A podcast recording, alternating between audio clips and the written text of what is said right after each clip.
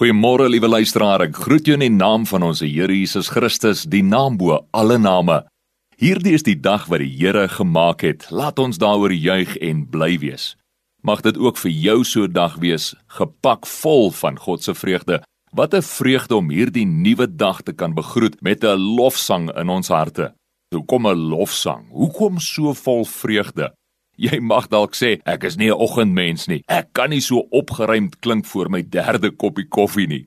Ons verskil. Sommige van ons is dalk meer oggendmense as aandmense, maar die feit is ons almal is mense. Dink daaraan, ons almal het dieselfde hartklop in ons binneste wat daar geplaas is deur ons Skepper. Dus klop ons almal se harte tog maar dieselfde, doen dit nie? En ek kan met redelike sekerheid sê dat jou hart net soos myne klop van liefde hoop, verwagting, 'n hinkering, 'n begeerte na 'n lewe van oorvloed, 'n lewe waar jy God se lewe, sy liefde, sy vreugde, sy vrede in oormaat wil en kan ervaar.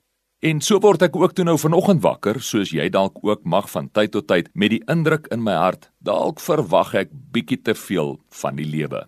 Dalk moontlik ja, maar ek wil tog onomwonde sê dat jy nooit te veel van God kan verwag nie. En dit is nie 'n arrogante verwagting of stelling wat my 'n uh, geregtige posisie of porsie nou in hom moet wees nie, want alles wat ons het is tog maar net genade. Die asem wat ek neem is net genade.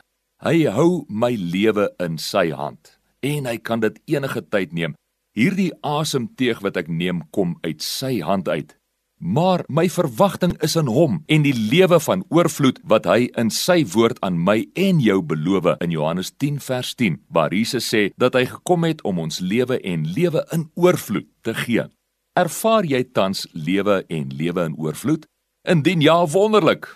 Indien dalk nie, wil ek jou aanmoedig om op die een te vertrou wat nie 'n mens is dat hy kan jok nie.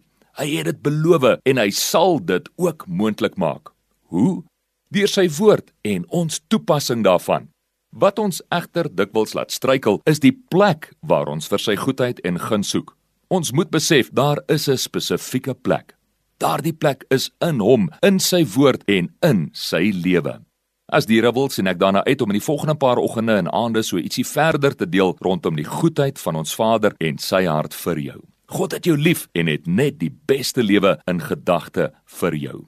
Mag jy 'n fenominale dag beleef in Christus, gevul, geanker in sy lewe en sy liefde.